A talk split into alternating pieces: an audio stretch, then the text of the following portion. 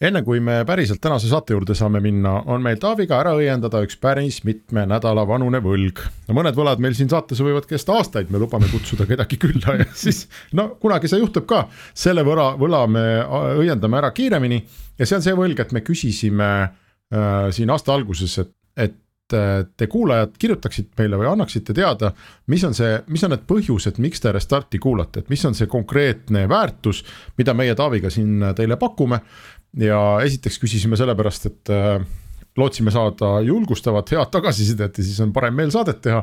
ja teiseks küsisime sellepärast, et aru saada, kes on meie kuulaja ja kas ja kuidas me võiksime oma nii-öelda toodet äh, sihtida, muuta või nügida. et sellest oleks rohkem kasu ja me saime päris hea hulga kirju, me hindame oma, oma kuulajaskonda praegu kuskile neljale poolele tuhandele per episood me oleme siis äh, podcast only ehk meil eetri kuulatavust ei ole, Kuku raadios me enam ei ole. ja ma arvan, et Eesti oludes startup'i saadet teha neljale poolele tuhandele, kui on hea episood, siis rohkemgi see on päris hea saavutus, nii et see on juba esimene asi, Taavi, kus me saame üksteisele öelda, et vau wow.. nii, esimene pai on tehtud endale. esimene pai on tehtud. teiseks me saime, palju me saime, kolmkümmend, kolmkümmend viis äh, pikka kirja. kolmkümmend viis pikka kirja jah ja,, lisaks mis... patsutustele mis on omaette minu meelest päris hea saavutus. Ja ma olin korralik inimene, tegin graafiku nendest kirjadest, et miks inimesed meie saadet kuulavad?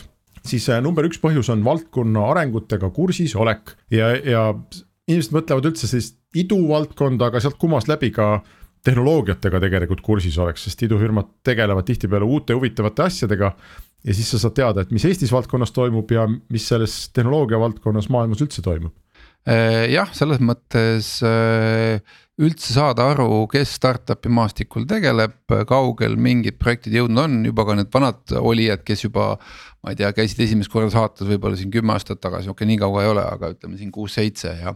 ja et mis seisus, seisus nad täna on, et et saada ka seda tagasisidet juba ka nendest, kes on Eestist välja roninud, spetsiaalselt küsiti, et kas Veriffist ei saaks teha uut saadet näiteks ja nii edasi, et see ongi nii-öelda nagu kokkuvõtete koht, et äh, meedia ju väga palju enam ei kirjuta, startup'id on. no oma hiilgaja üle elanud selle koha pealt, et äh, ma ei tea, võib-olla siin kaks tuhat kaheksateist, üheksateist oli, kus kõik ainult sellest kirjutasidki, et kuidas mingil väiksel startup'il läheb, on ju, noh nüüd me oleme enam-vähem nagu. viimane rüütel väljal, kes veel kajastab nagu äh, ka väikeste startup'ide tegemisi, nii et.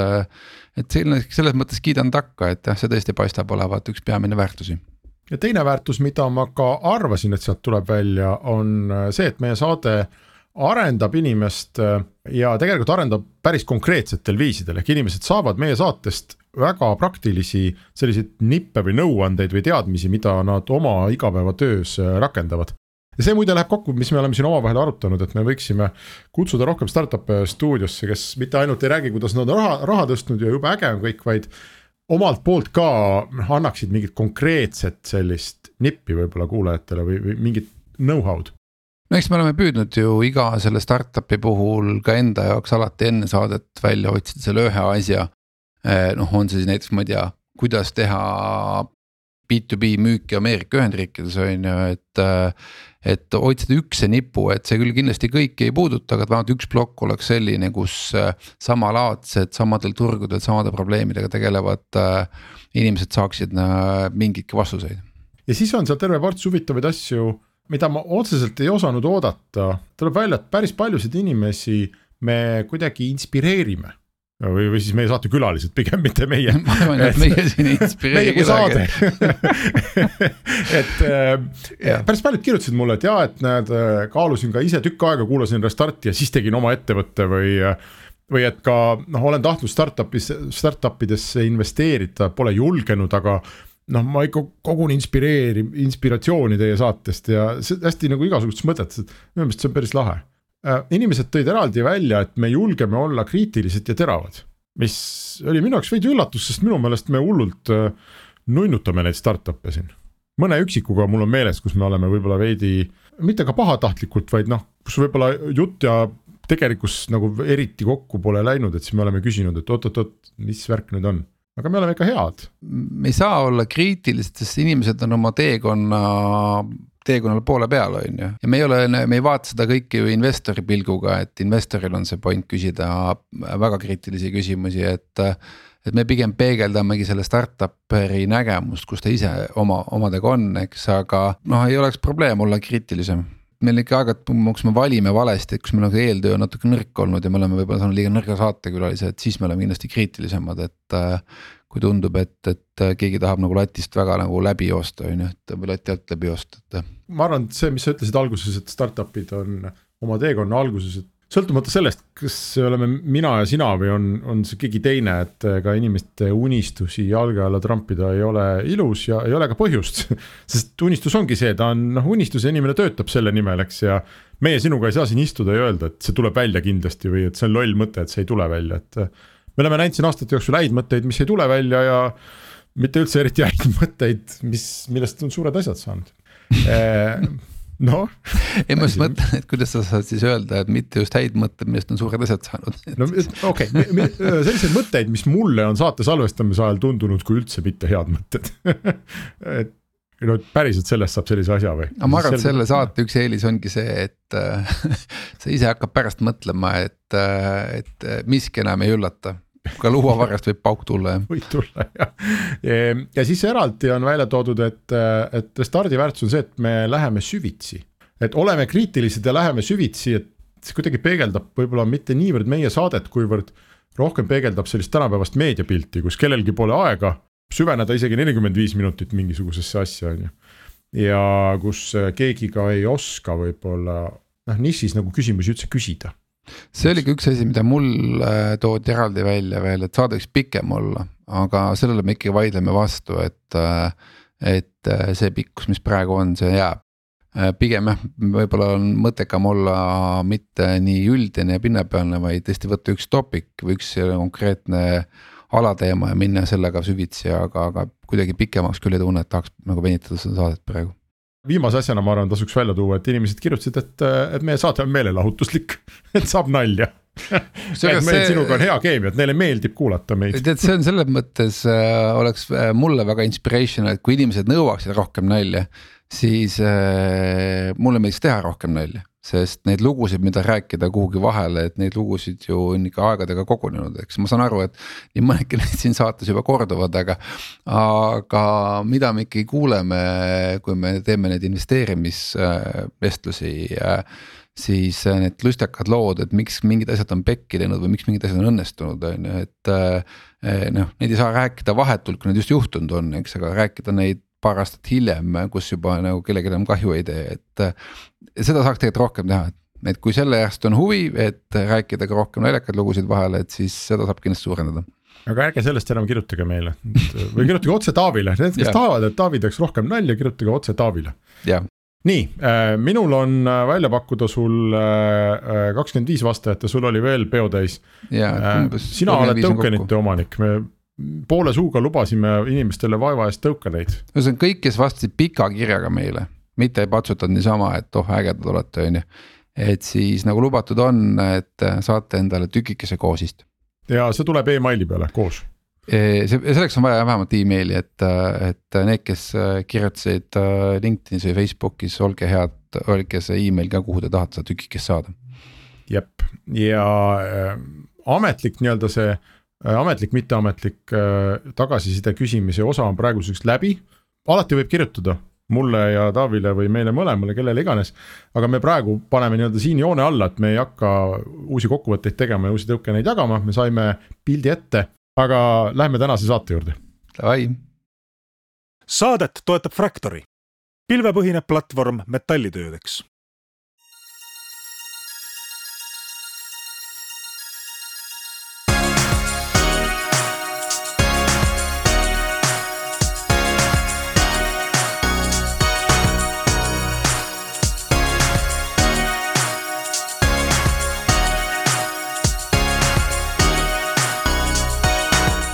tere kõigile Restardi kuulajatele, Taavi Kotka, Henrik Roonemaa on stuudios ja me jutustame täna umbes kolmveerand tundi järjekordsest Eesti idufirmast ning äh, täna lööme mitu kärbest ühe hoobiga.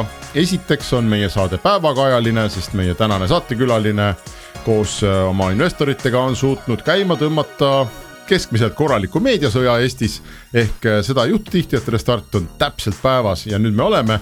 ja teiseks on meie tänane saatekülaline firma mis, mida me oleme siia päris ammu oodanud ja mõnel korral ka kompinud ja kuidagi ei ole õnnestunud. ning see tänane firma on Eesti enda krüptoidu Change ja meiega on Change'i tegevjuht ja kaasasutaja Kristjan Kangro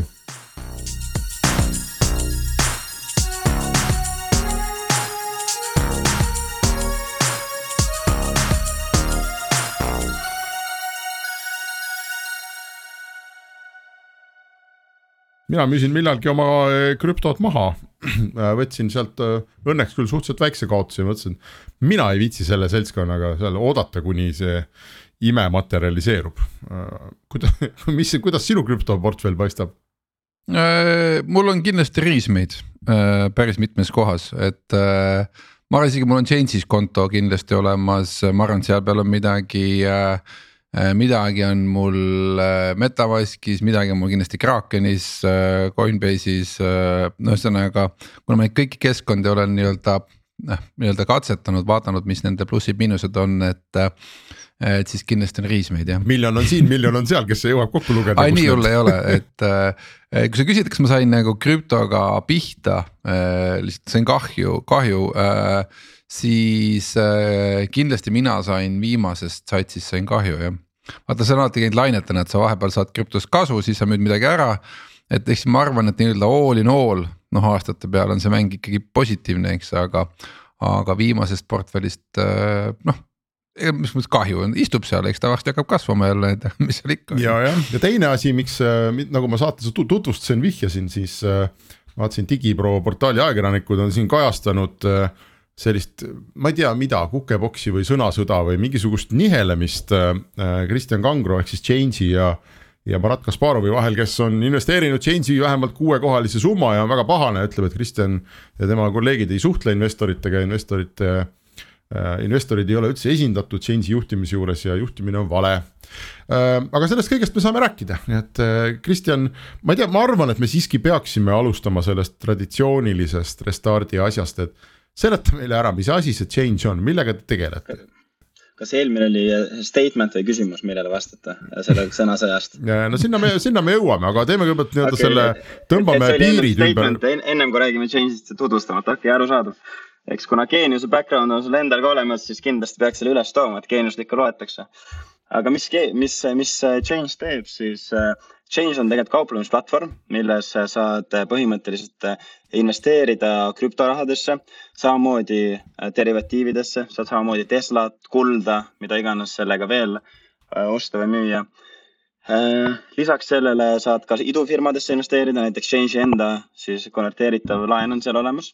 Ja meil on äh, loomulikult selleks kauplemisplatvormiks ka olemas kaart, et kui sa teed ilusad kasuminumbrid seal, siis saad need kasumid kohe kaardiga poes, poes ära kasutada. ehk siis näiteks saad Bitcoiniga R-kioskis Eestis maksta oota, aga kas te olete nagu krüpto äh, selline marketplace, ütleme krüpto ostmise, vahetamise ja hoidmise koht või, või ongi see, ma ei tea, Tallink on ka seal ja, ja, ja muud aktsiad või kus see piir on teie jaoks? Selles mõttes, et meie ikkagist oleme pigem üldine kauplemisplatvorm, ehk siis sa võid sealt Bitcoini osta, võid sealt Teslat osta, võid sealt äh, kulda osta, äh, võid seal indekseid osta ehk siis tegelikult kõik see on meil Change äpis olemas.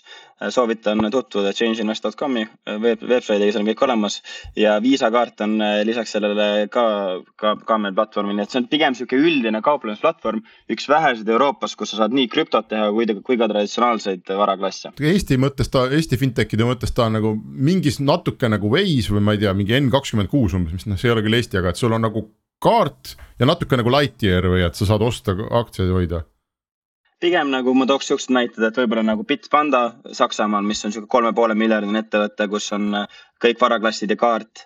või siis Robinhood USA-s, kes teeb ka krüptosid, traditsionaalseid varaklasse ja kaarti ka, ehk siis pigem need on siuksed võib-olla kõige lähemad benchmark'id sellele tootele. ja miks me nagu erinevatesse varaklassidesse läksime, ongi see, et krüptos on nii suur volatiilsus ja mõni, mõni aasta sa teed väga suured käibenumbrid nagu kaks tuhat kakskümmend üks, aga siis krüpto äh, tuleb, krüptol tuleb karuturg ja siis kohe käibed kukuvad ka kokku nagu näiteks kaks tuhat kakskümmend kaks aasta. ehk siis sellepärast meil oli oluline siis äh, äh luua robustsemad äh, käibe, revenue stream'id ja, ja sellepärast me tegime ka, tõime ka teised varaklassid äppi. siin on ikkagi äh, noh tihti on, seda on kurtnud siin ka Funderbeam ja teised, et kui turud lähevad alla siis need, kes äh, platvormi kaudu investeerivad, need on üldjuhul väikeinvestorid. Äh, siis muutuvad platvormi peale väga pahaseks et noh, nagu platvorm oleks süüdi, et äh, krüpto alla läheb või, või platvorm oleks süüdi, et need väikeettevõtted, kuhu nad Funderbeami kaudu näiteks investeerisid, et noh, et, et noh, kurat küll, et miks te siis ei tee paremini, on ju, et ma lootsin siit tootlust saada, on ju ja nii edasi, on ju et äh, kuidas sul selle nagu sellega nagu suhe on, et, et oled sa ka tunnetanud, kas ikkagi. kas ma mõtlen, et kas maailm näeb sind kui platvormi või maailm näeb ikka sind ka vastutavana, et, et kõikides maailma krüptohädades on change süüdi nagu? ei, ma arvan, et ei näe, et ma arvan, et äh, kindlasti õigustatult investorid, kes on investeerinud meie siis äh, aktsiatesse Äh, või siis meie token itesse. õigustatult nema, neile, kui hinnad lähevad alla, siis neil, neil on rohkem kriitikat, sellepärast et see ongi meie eesmärk äh, nii-öelda shareholder value't või siis osanike väärtust tõsta, et. pigem need investorid kindlasti on kriitilisemad, aga need, kes Bitcoini investeerivad, need kindlasti meie peale väga vihased ei ole ähm, aga kindlasti nad kauplevad vähem. et tuues näite kaks tuhat kakskümmend üks ja kaks tuhat kakskümmend kaks, kui sa võtad nagu kasutajad, kellel on äh, näiteks saja eurine balance või saja eurine väärtus äpis. see on peaaegu täpselt sarnases kohas, mis kaks tuhat kakskümmend üks aasta. aga meie käive on kolm korda väiksem ja meie kasutusaktiivsus on kolm-neli korda väiksem. ehk siis pigem nad lihtsalt ei kauple, nad hääletavad oma näppudega ja lihtsalt ei kauple ja sellest tulenevalt me üritame hästi palju nagu uut äh, informatsiooni turule tuua, rääkida, kuidas, kuidas kaubelda äh, mis turud teevad ja nii edasi, et neile rohkem informatsiooni anda, aga ilmselgelt see on niisugune väga volatiilsusest sõltuv on kauplemisaktiivsus aga kuidas te, Kristjan, erinete äh, Lightyearist? mis see, seleta, mis see vahe on, et ma, ma, neil vist krüptot ei ole, me Taaviga, mina ei ole jõudnud endiselt nii kaugele, et oma konto lõpuni. ma tegin ära. tegid ära, on krüpto või ei ole seal? kõik, mis lubatud, ma teen alati ära, et kandsin aktsiad äh, üle mingi portsu ja, ja, ja täitsa toimis jah. okei okay. Äh, no ütleme, alustame sellest, et kuidas me sarnaneme, et äh, Lightyear Äh, ka Eesti idufirma, neil on ka äh, TransferWise'ist äh, päris siis founder'id, meil on samamoodi management tiimis päris kõrgel kohal olnud Wiserid. ehk siis see, milles me sarnaneme. kui päris aus olla, siis ainuke asi peale selle on see, et meil on mõlemad kauplemiskeskkonnad, mida on maailmas tuhandeid. ehk siis tegelikult meil on väga erinev ikkagist value proposition või väärtuspakkumine kliendile. ehk siis, kui nemad pakuvad ilma siis teenustasudeta aktsiate ostmist Äh, võtavad raha siis nagu nii-öelda valuuta siis äh, conversion'ist, siis äh, meie ja üritavad hästi palju nii-öelda informatsiooni anda klientidele, mille pealt neid nii-öelda kauplemis- või investeerimisotsuseid teha, siis meie tegelikult, meie sihtrühm on pigem niisugune nagu krüptokaupleja, kes tahab ka kaubelda võib-olla traditsionaalsete varaklassidega, aga pigem tahab, näeb väärtust just nende krüptospetsiifiliste funktsioonidega, näiteks nagu krüpto stake imine, krüptokauplemine heade reitidega, krüptoga poes maksmine Crypto äh, Earn toode, millega me loome niisuguse nagu tootlikkuse erinevatest platvormidest. et krüpto äh, siis võimendusega kauplemine, et siis meil on hästi nagu kauplemisplatvorm on hästi palju, kõik keskenduvad erinevale segmendile ja sellest tulenevalt loovad erinevaid niisuguseid neid feature'id toovad turule. Ja meie keskendume sellele krüpto sihtrühmale rohkem selles mõttes äh, kõik, mis on krüptoga seotud, on ikkagi inimesed ettevaatlikuks teinud, siin on mingeid skandaale ka on ju FTX-is, kes seal kaotas äh, miljardeid ja nii edasi, on ju. noh yeah., olles ka ise kunagine krüpto ohver või ütleme krüptoplatvormi ohver. MT Coxist, kus äh, nii-öelda token'id varastati väidetavalt siis, aga noh, nii-öelda kõikidelt klientidelt, mitte ainult mult on ju, et mis noh, tegelikult vist eesti keeles tähendas lihtsalt pandi nagu äh, platvormi poolt tuuri on see vist nagu õige tõlge on ju, et noh, et, et. Äh, et kas sa saad nagu selle koha pealt ka nagu selgitada, et kui palju see maastik üldse on korrastunud, ütleme võrreldes sellest MT Coxi aegadest, mis on kümme aastat möödas nüüd juba on ju, et, et. et kui palju no ütleme noh võib-olla tavakuulajale näiteks ma ei tea, investeerida LHV-sse või Lightyear'i kaudu on ju tundub kuidagi nagu turvalisem, et noh, nad ei kuku nagu homme kokku on ju nagu siin mõni teine platvorm on ju, et äh, et äh, kas räägi paari sõnaga lihtsalt lahti, kuidas see maailm täna nii-öelda reguleeritud on, et, et garanteerida, et, et paned raha sisse ja kohe homme on läinud on ju? täpselt, et see on kindlasti asi, mille vastu me oleme võitlenud ja ma kohe ennem kui ma kommentaari juurde lähen, siis see on täpselt asi, millele me oleme keskendunud algusest peale. et kui me Eestisse tulime, palkasime Finantsinspektsioonist kohe kümneaastase Finantsinspektsiooni kogemusega riski ja compliance juhi ja me oleme alates kaks tuhat üheksateist aastast auditeerinud oma platvormi, ehk siis me oleme üks ainukesi krüptoplatvorme, kus sa võid minna auditites meie koduleheküljel tagasi ja kus kõik klientide varad ja klientide vastu siis liability või nõuded siis äh, on põhimõtteliselt seal avalikult näha, et see on, me olemegi siin nii-öelda vastavuskontroll, mis on siis eesti keeles compliance ja siis nagu läbipaistvuse osas just äh, mitu sammu konkurentide sees olnud minnes nüüd äh, üleüldise kommentaari juurde sellest, äh, kuidas see arenenud on, see turg väga palju on arenenud, Taavi. et äh, kui sa võtad need koksi ajad, siis tegelikult seal ei olnud üldse krüptoregulatsiooni. täna on Euroopas, USA-s krüptod reguleeritud. krüptolitsentsid on olemas kõikidel Euroopa Liidu riikidel. kohe krüptolitsentsid lähevad MiCA alla, ehk siis saad ka passport ida erinevatesse Euroopa Liidu riikidesse ühe litsentsi alt. lisaks seal on väga palju nagu meedia scrutiny't ja väga paljud nagu krüptofirmad on täna, tänapäeval auditeeritud. mõned näited on Coinbase äh,, Change, siin on veel nagu Kesk-Euroopas neid on ju äh,. aga ikkagist me peame veel paremini tegema, et kui sa võtad mõned suured krüpto, Hiina näiteks või äh, Bahama krüptofirmad, sa ei näe auditeid, sa ei näe, palju kliendi varasid on ega mitte midagi, nii et siin on veel pikk tee minna aga sellepärast paljud eestlased äh, ja üldse Ida-Euroopa inimesed kasutavad meid, kuna me oleme olnud nii läbipaistvad aga ma just mõtlengi, et kas äh, no ütleme nii, et äh, kas sa täna julged panna siin raadioeetris käe südamele öelda, et äh, kui sa change'i kaudu investeerid, et siis okei okay,, sa võid kaotada nagu turumuutuste pärast on ju, aga sa ei saa kaotada sellepärast, et change'iga midagi juhtub.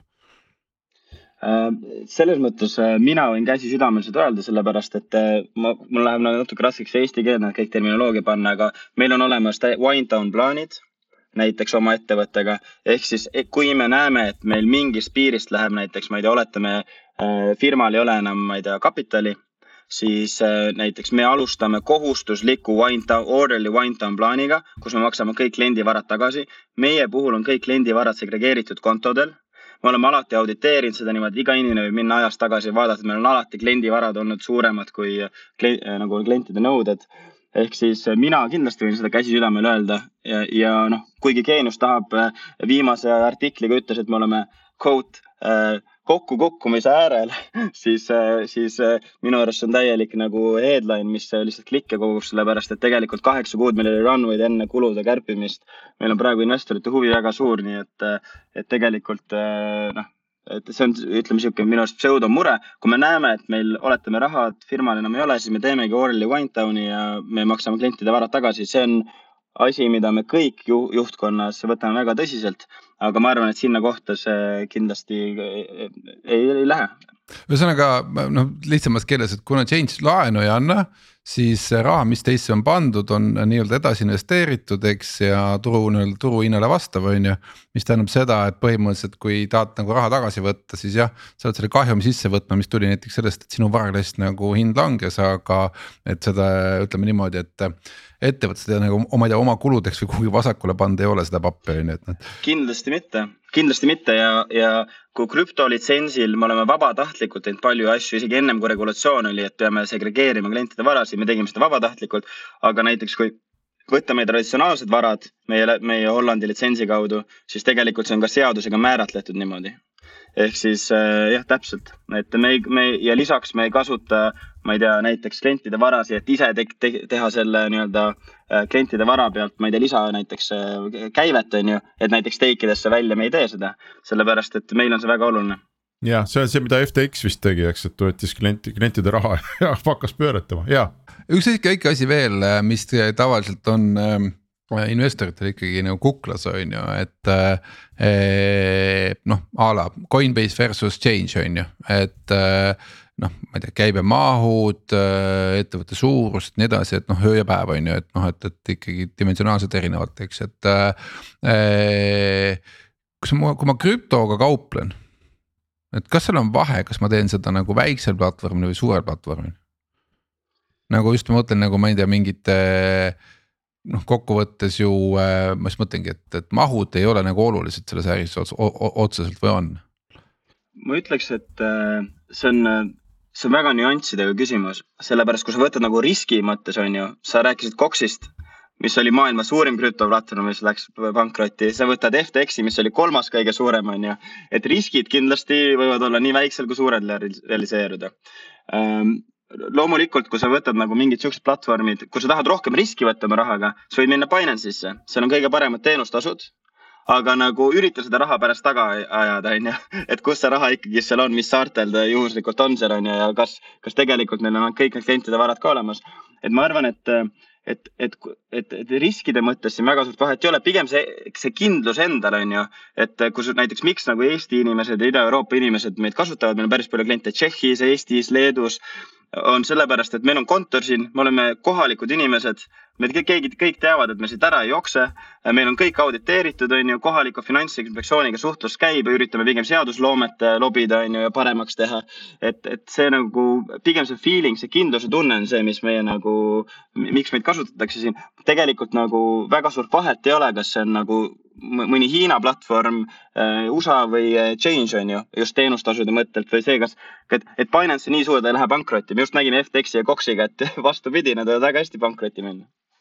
Kui palju see nii-öelda krüptotalv on äh, Change'i äh, aktiivsust mõjutanud, no sa mitu korda oled siin maininud, et inimesed kauplevad vähem, kauplevad vähem, eks. kui palju see vähem on, no kas sa oled andnud järgi käibes kümme protsenti või, või kaheksakümmend protsenti? tulenevalt, äh, tulenevalt sellest, et me oleme poolavalik ettevõte, äh, siis me saame ainult seda informatsiooni anda välja kvartaalsetes äh, raportides, sellepärast et kõik meie, kuigi te olete väga populaarne saade ja ma väga respekteerin seda, siis kõik arvatavasti meie investorid seda ei kuula, nii et ma pean ikkagist need informatsiooni andma välja samal ajal kõikidele.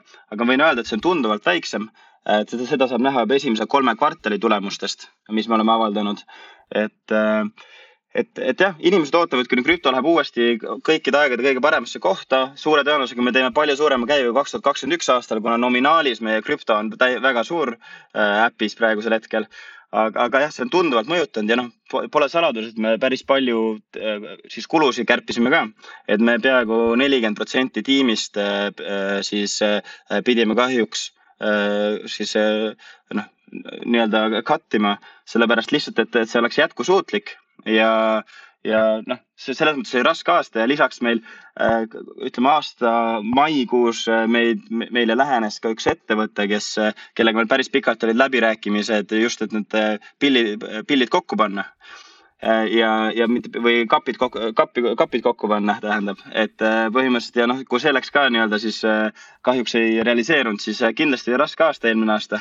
aga samas ütleme, motivatsioon energia on kõva tiim on väga tugev ja tegelikult mõnikord, kui sul on ökonoomsem tiim, siis tegelikult just tulemused on veel paremad. kuule, aga see, okei, aga, aga seleta ära sellise väiksele investorile, kes läheb, vaatab äh, neid ametlikke siukseid käibe ja kasuminumbreid äh, teie Change Capital OÜ kohta. siis äh, käive on seal äh, mõnisada tuhat, kasum on olnud miljonites eelmistel aastatel, et mis, mis see, see, mis seal toimub? Kas saad täpsustada, tegelikult meie firma on Change Group. no kui ma vaatan lihtsalt Change Capital mõne..., ei, ei ma lihtsalt vaatasin praegu äh, selle jutu taustaks, et äh, Change Capital OÜ-d, eks, et siis müügitulu kaks tuhat kakskümmend üks on kolmsada kolmteist tuhat. kasum on viis koma nelikümmend seitse miljonit, et kuidas teil see asi seal üles ehitatud on? kasum on viissada. viis koma nelikümmend, viis koma nelikümmend seitse miljonit. sa vaatad õiget ettevõtet, Henrik, üldse? no ma ei tea, Change Capital OÜ on selline ettevõte, Kristjan Kangro on juhatuses ja ühesõnaga, kui sa soovid, siis äh, kui sa kaks tuhat kakskümmend üks aastal orienteeruvalt konsolideeritud Change Grupi käive oli äh, kuus koma seitse miljonit, äh, mille, millel umbes cross margin oli neli koma viis miljonit, mille EBITDA oli umbes üks miljon, nii et ma tõesti erinevate äh, tütarettevõtete kohta ma ei oska niimoodi peas kommenteerida, aga see oli suurusjärk. ja no ühesõnaga kuskil on viis koma nelikümmend seitse miljonit kasumit Eesti riigi arvates olnud, et mul siis tekkis sellest küsimus, et mis runway'st me räägime, kui te näitate sellist kasumit, et siis elage ise oma raha peal ma kahjuks lihtsalt nende, nende andmetega, mis sa ütled, ma ei ole tuttav, et kui sa saad pärast täpsustada, kust sa need said, siis ma hea meelega Äh, kommenteerin kuule, aga lähme tagasi selle nii-öelda Runawayd ja muude teema juurde, et ikkagi Change kui startup on ju, et äh,. Te olete päris pikalt ikkagi tegutsenud, on ju, aastast kaks tuhat seitseteist, kuusteist? no kuusteist juba vaikselt alustasime Singapuris ja kaks tuhat seitseteist läksime tootega siis äh, turule. ma vist mäletan isegi, vist sõitsime mingil ühes lennukis koos, saime kuskil äh, lennujaamas kokku, kui te olite Singapuri teel vist aga, aga selles mõttes noh, ikkagi see on nagu äh, pikk teekond on ju, selle teekonna sisse jääb äh, mitu krüptotsüklit sul, kolmas on vist praegu või, või neljas või? ma ütleks ikkagist, et pigem kaks tsüklit, et kaks tuhat seitseteist aasta see tsükkel, mis läks üles ja siis Spectacularly alla ja siis äh, nüüd kaks tuhat kakskümmend üks ülesse ja nüüd alla. Selliste tsüklitega koos äh, käib ka sinu enda ettevõtte väärtus noh üles-alla korralikult on ju, et äh, ma vist ei, ei ütle eita, et et noh, kuskil poolteist aastat tagasi sinu ettevõtte väärtus oli ikkagi nagu väljendatav kaheksanumbrilisena on ju, noh mitte veel üheksana, et olla unicorn, aga kaheksanumbrilisena kindlasti on ju ja, ja, ja, ja noh, arvestades praegust nii-öelda krüptotalve, et siis ta tõenäoliselt on tagasi tulnud seitsmekohalise peale, et. et kuidas sa nagu ise nagu noh, nii-öelda founder'ina kuidas sa vaatad seda teekonda, lihtsalt kas sa vaatad seda, et mul on nagu lõpp-punkt, kuhu ma tahan jõuda ja selle sees on vaja käia üles-alla paar korda või kolm korda on ju. või see ongi pigem nagu niimoodi, et kurat, jälle on see jama, et, et saaks tast nagu lõpuks lahti on ju, et noh, et müüks maha kellelegi, et ma arvan, et see oli üllatav vastus, mida ma ütlen, on kuigi kindlasti seda ei saa võtta aktsia hinna siis eh, nii-öelda ennustamisena. aga tavaliselt on see, et kuna meil on hästi palju ka jaeinvestorid, kes on meil investorid, siis tavaliselt kui krüpto hind läheb, krüpto hinnal läheb hästi ja krüptol, siis see läheb liiga kõrgele. Ja siis ma mõtlen, et ei, noh, nagu siit tuleb nii valus kukkumine, ma juba näen, onju. ja siis, kui krüptol on karuturg, siis see läheb liiga alla, nii et ma tegelikult tahaks, et ta oleks palju stabiilsem, onju, natuke käiks üles-tagasi, et ma toon näite, et, et noh, kaks tuhat seitseteist ta seal tõu-, tõusis nagu sadu protsente, võib-olla tuhat protsenti, onju.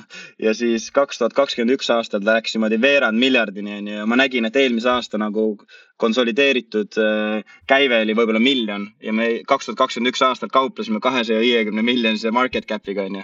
et tegelikult minu nagu vaade, kas see on liiga all või liiga üleval nagu vastavalt siis karuturul ja, ja siis bull market'il on see, et ma tahan, et see palju stabiilsem oleks.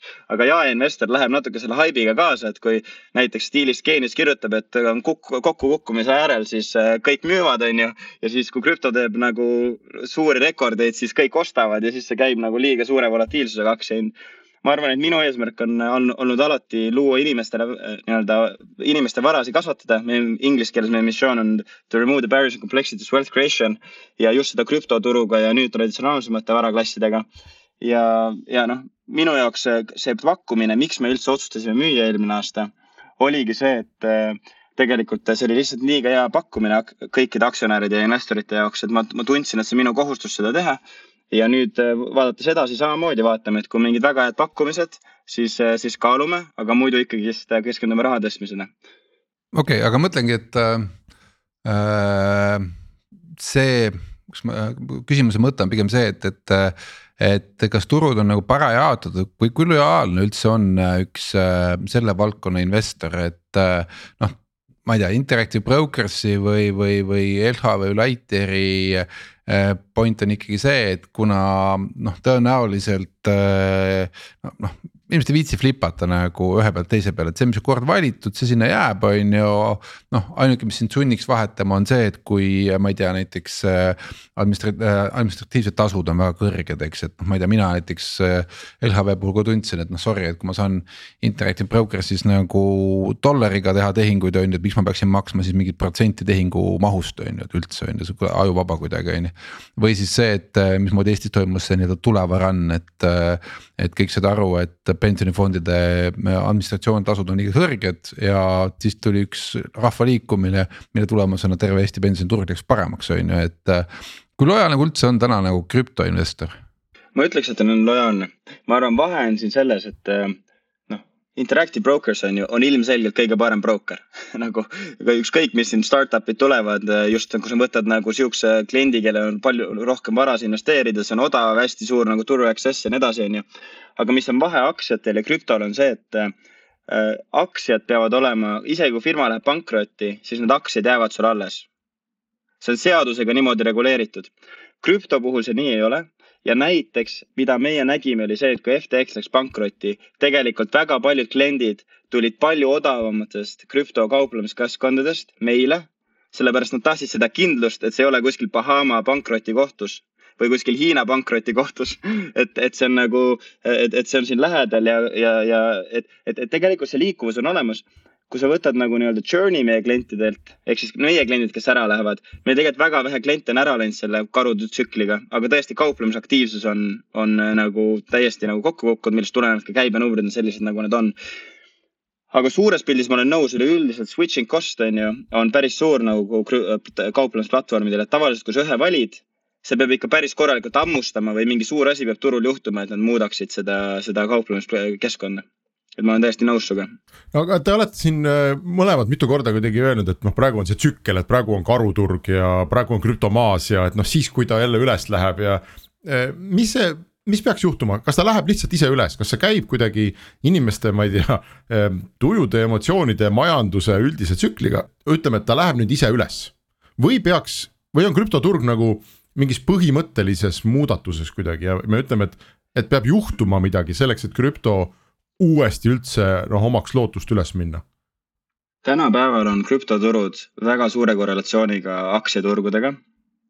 ja ma ütleks, et üks kõige suurem faktor Äh, nii aktsiaturgudel kui ka krüptoturgudel on, mis on äh, inglise keeles siis monetary policy. Äh, siis ehk siis, kui palju põhimõtteliselt lihtsustatult me prindime uut raha ja kui palju, mis intressid keskpankadel on. mida madalamad on intressid ja mida rohkem me raha prindime, seda rohkem see jõuab ka varaklasside hindadesse ja, ja kui sa vaatad ka nii-öelda seda viimast nii-öelda Covidit on ju, siis meil hakkasid kõik aktsiaturud kokku kukkuma, me hakkasime raha printima ja järsku kõik inimesed olid kodus, tööl ei käinud, aga aktsiaturud tegid suuri rekordeid, on ju. ehk siis see nii, nii sõltuv on nii aktsiaturud kui krüptoturud raha printimisest ja sellest eh, keskpanga poliitikast, et, et seda ongi vaja, et krüpto, krüptohinnad suure tõenäosusega teevadki uue kõrguse, kui me jälle hakkame raha printima ja hakkame intresse langetama kõige vabam on see, et äh, ma alles hiljuti rääkisin ühe keskpankuriga, tal nime nimetamata, et meil oli seal common house rules on ju.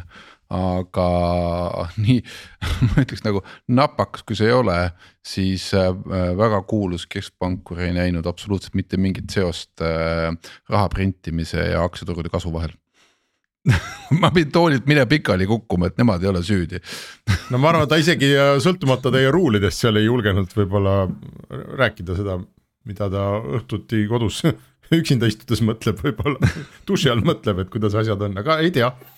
Aga siin ma ütleks ühe huvitava fakti, et mida paljud ei tea, et kui Bitcoin algas eh, siis kaks tuhat üheksa aastal, Bitcoini koodi on pandud üks aja, ajakirja artikkel ja see oli siis, eh, teatavasti oli üks majanduskriis kaks tuhat seitse kuni kaks tuhat kolmteist oli siis eh, ja nad panid, kui UK pangad hakkasid välja peilima siis neid suuri panku ja raha printima, siis tegelikult sellest on artikkel Bitcoini koodis, et tegelikult suur nagu eh, väärtuspakkumine Bitcoinil ongi see, et kui sa tahad nagu kontrollitud inflatsiooni ja sa tahad, et nagu riigid ei saaks seda ära võtta, censorship resistance on ju, siis põhimõtteliselt siis ongi nagu see ongi Bitcoini fenomen põhimõtteliselt, et see raha printimine, Bitcoin on väga seotud ka ideoloogilisel tasemel.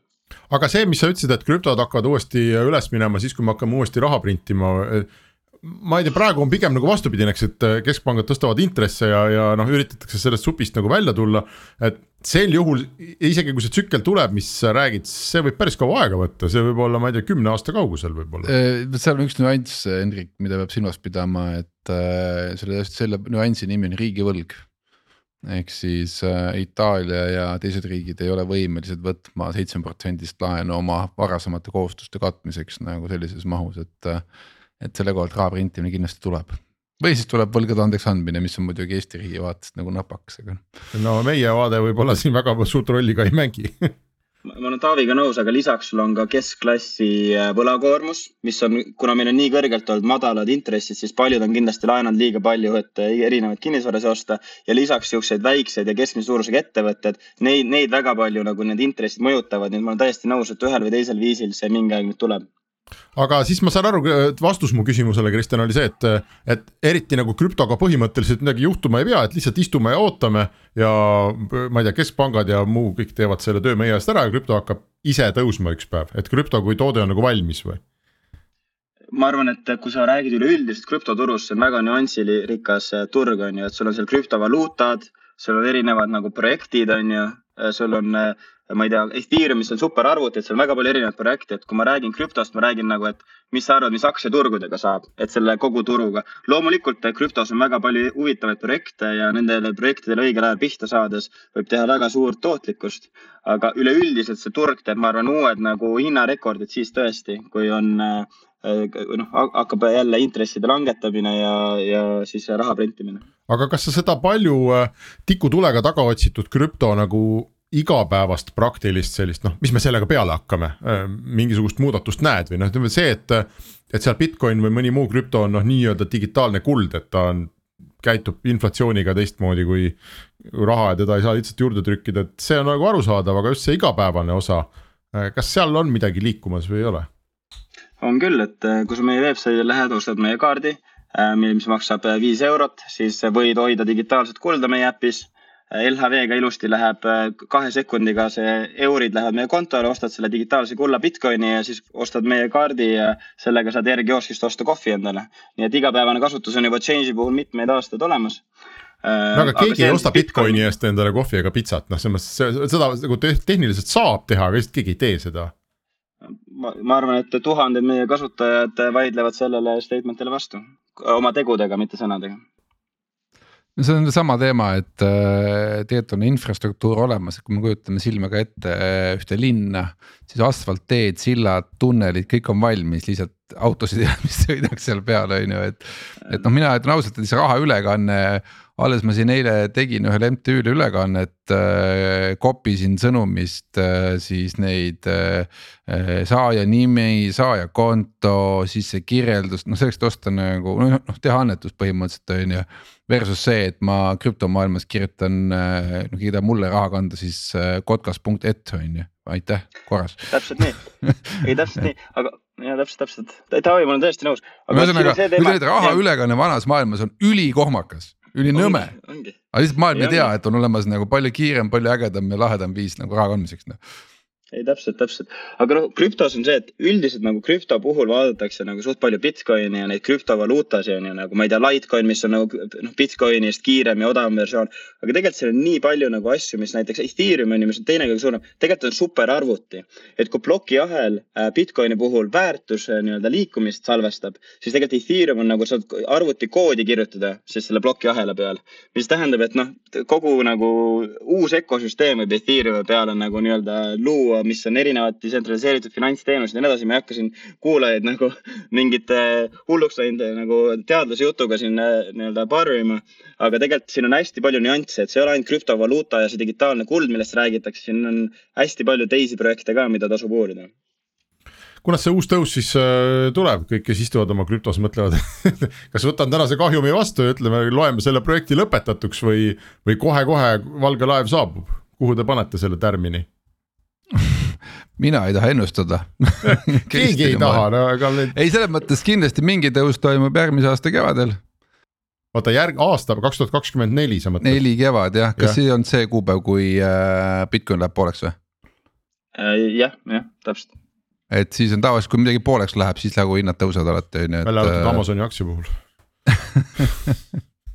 tükkeldas liiga palju seda olgu Taavi ütles kaks tuhat kakskümmend neli kevad, Kristjan, kuidas, mis sina arvad? ma saan öelda nii kaugele, et ma ei saa öelda, et ma ei ole nõus Taaviga, sellepärast et minu PR tiim ja compliance tiim tõstaks ka kõrvad üles, kui ma ütleks, ennustaksin turu käitumist. ehk siis kristallpalli mul ei ole, aga lihtsalt ma arvan, et faktorid, faktorid on kindlasti rahaprint, intresside tõus ja kindlasti, kui läheb ka tavaline aktsiaturg üles, läheb väga suur korrelatsioon on ka krüptoturul. ma loodan, et see juhtub äh, selle aasta lõpus või järgmise aasta esimeses pooles? Äh, meil on nüüd natukene aega saate lõpuni, räägime siis sellest Change'i enda tulevikust ka ikkagi, ma vaatasin Funderbeamis teie noh, aktsia hinnagraafik on muljetavaldav, noh selline, kui Eestis nii hea suusamägi oleks, et siis äh, saaks nalja küll, on ju. et äh, no mõni, mõni aega tagasi siin, mis ma nägin, üle nelja euro oli osaku hind ja praegu täna vist kakskümmend viis, no kakskümmend midagi senti.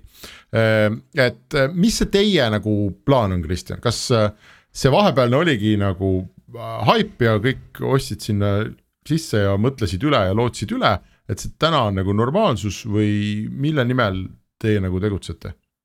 tõesti, meil suusamäed on kõvad olnud, sellepärast novembrist alates meil on sada protsenti tõusnud aktsia hind peaaegu, nii et äh, et eh, loomulikult halvad uudised loevad eh, kindlasti, eh, müüvad rohkem kui head, aga. ei no kuule, okei, okei, aga Kristjan, novembris see oli kuusteist senti ja nüüd te olete seal mingi kakskümmend midagi, aga ma räägin ikkagi, ta oli üle nelja euro et neid sajaprotsendilisi tõuse sa pead tegema veel ikkagi päris mitmed, et tagasi saada sinna. et mu küsimus oli, et kas, kas tee viib sinna tagasi või mis selleks peaks juhtuma?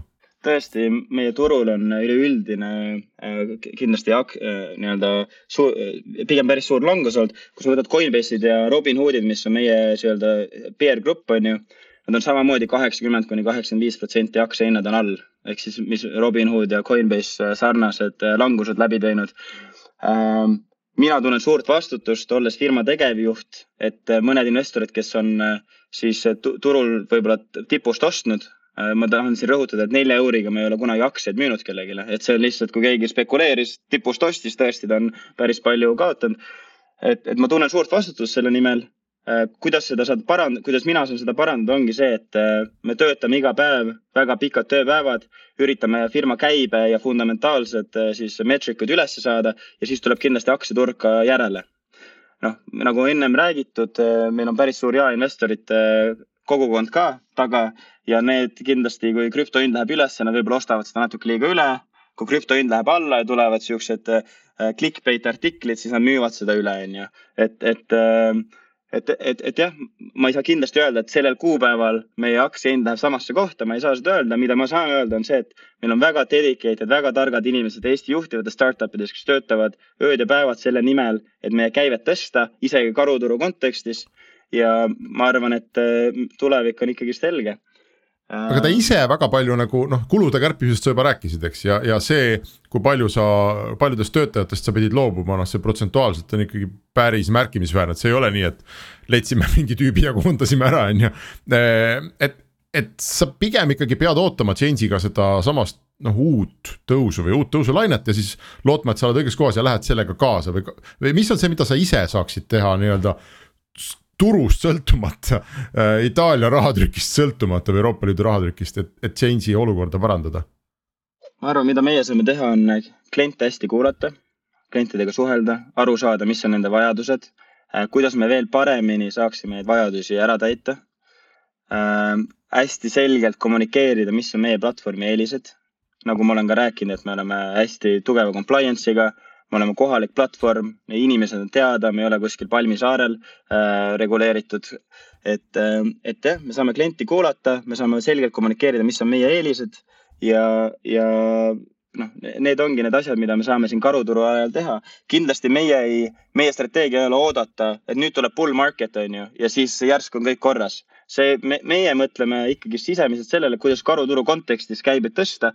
loomulikult see oli suur hit in the face on ju eelmine aasta, et äh, nagu nii, nii kiirelt ja nii, äh, me ainult hinde läinud alla eelmine aasta krüptos tuletame meelde, et ülipaljud suured krüptoplatvormid läksid pankrotti, me räägime FTX-ist, Celsiusest, BlockFi'st äh,, äh, Voyagerist neid oli nagu nii palju nagu top firmasid läksid pankrotti, et see süstemaatiline risk, mis realiseerus eelmine aasta, oli palju suurem kui krüptohind läks alla.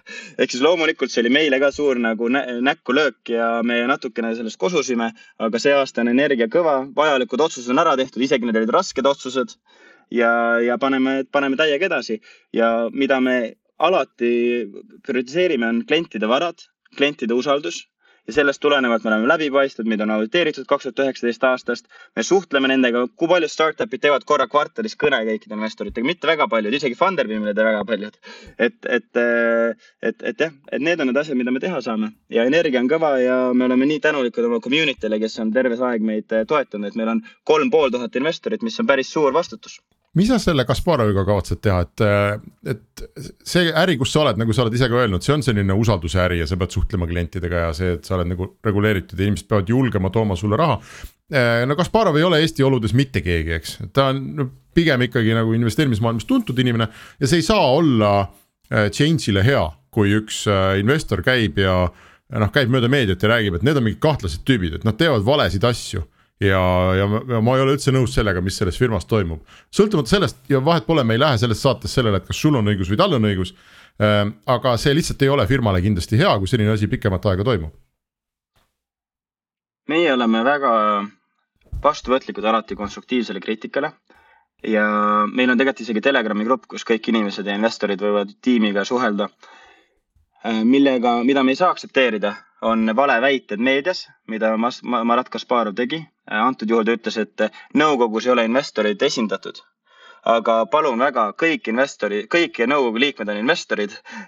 seal on Roger Krukk, Mihkel Kolk, Asse Sauga ja Hans Nordak, kõik on meie investorid.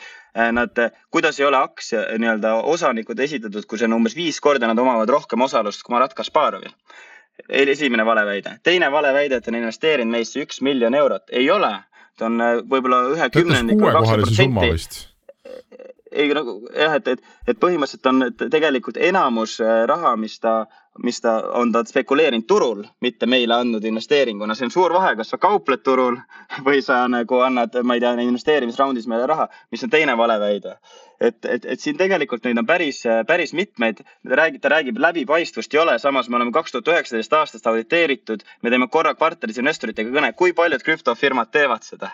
kui palju krüptofirmadel on äh, päris no,, ühesõnaga traditsionaalsed litsentsid, nagu meil on, et noh, kõik, aga samas see on vaba riik, vaba sõna, kõik võivad meedias äh, öelda, mida nad tahavad, meie seda siis korrekteerime ja, ja noh, meie teeme oma asja edasi, ma respekteerin teda inimesena aga antud juhul me lihtsalt eh, saame asjast eh, natuke teistmoodi aru ja me oleme toonud välja faktid, kus konkreetselt, mis need eh, valeväited siis nii-öelda ümber lükkavad.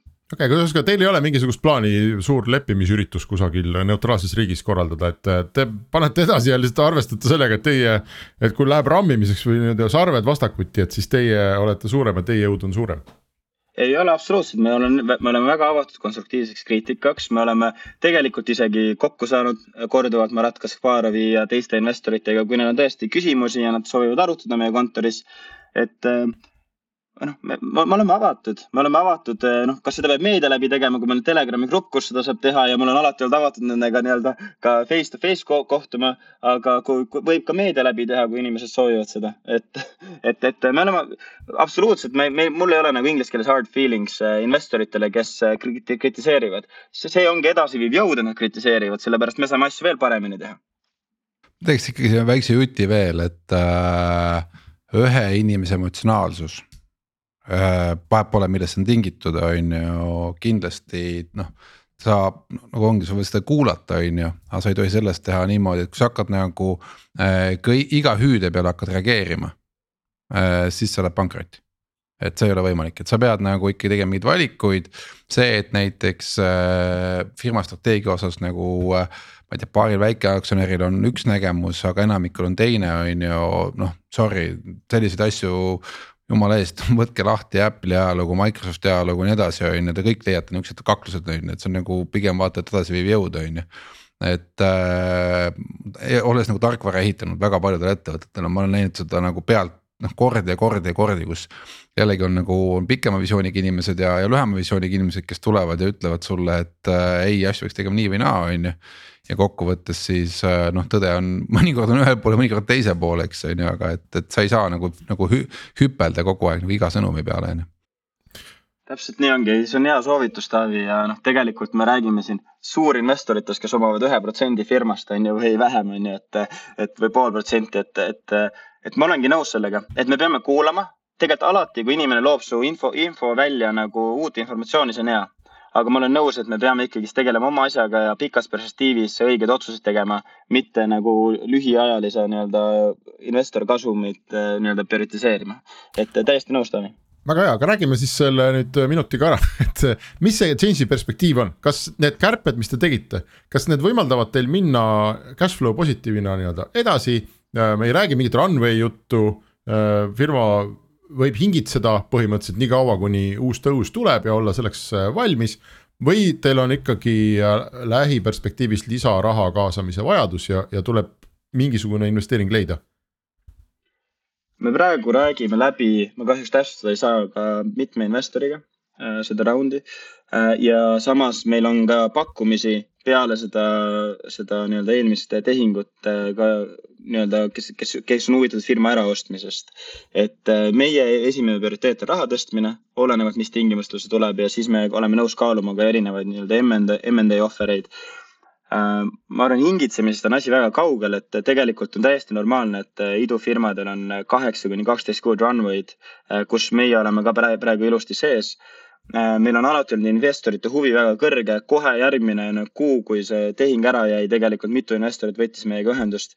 ehk siis nagu hingitsemist on asi kaugel, pigem küsimus on see, et kuidas inglise keeles efficiently seda asja run ida, on ju selles kontekstis, et kulud on madalamad ja kuidas luua rohkem kliendi väärtust ka karuturus, et ka karuturus käive tõuseks kõvasti.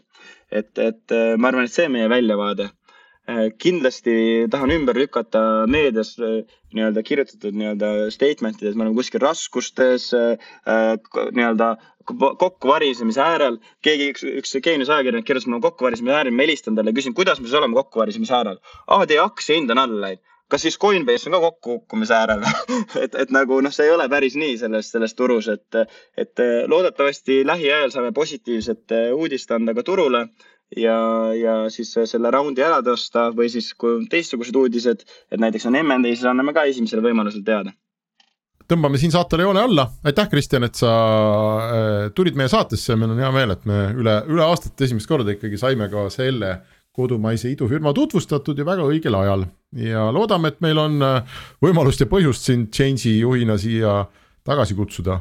võtame aastase horisondi kas Henrik Mide ei ole James Unicorni võimekusega, sellepärast et kuna ta valiti meie selles investor top'is miinuspoole võitjaks, et siis need lõpetavad unicorn'ina kõik. ja absoluutselt, nii et seda me ootame seda me ootame, aga siis äh, kõigile kuulajatele, kes usuvad seda, mida Taavi räägib, see on, võib-olla tekib võimalus ka, isegi praegu võib minna Funderbeami ja osta siis Change'i äh, osalust vist seal. see vist on väga väike hulk, et selles mõttes sellega vist väga rikkaks ei saa Funderbeamis, palju te panite sinna, mitu osa protsenti müügis on seal? praegu on kakskümmend miljonit market cap seal igatahes, kui sa selle kõik ära ostad, siis äh, ja ootad oma kordades kasvu, siis ikka tuleb ka midagi. täpselt nii, loodame, et nii läheb ja aitäh saatesse kutsumast äh, ja kindlasti näeme uuesti. selge, ja Restart äh, kohtub oma kuulajatega uuesti nädala aja pärast, nii et olge tagasi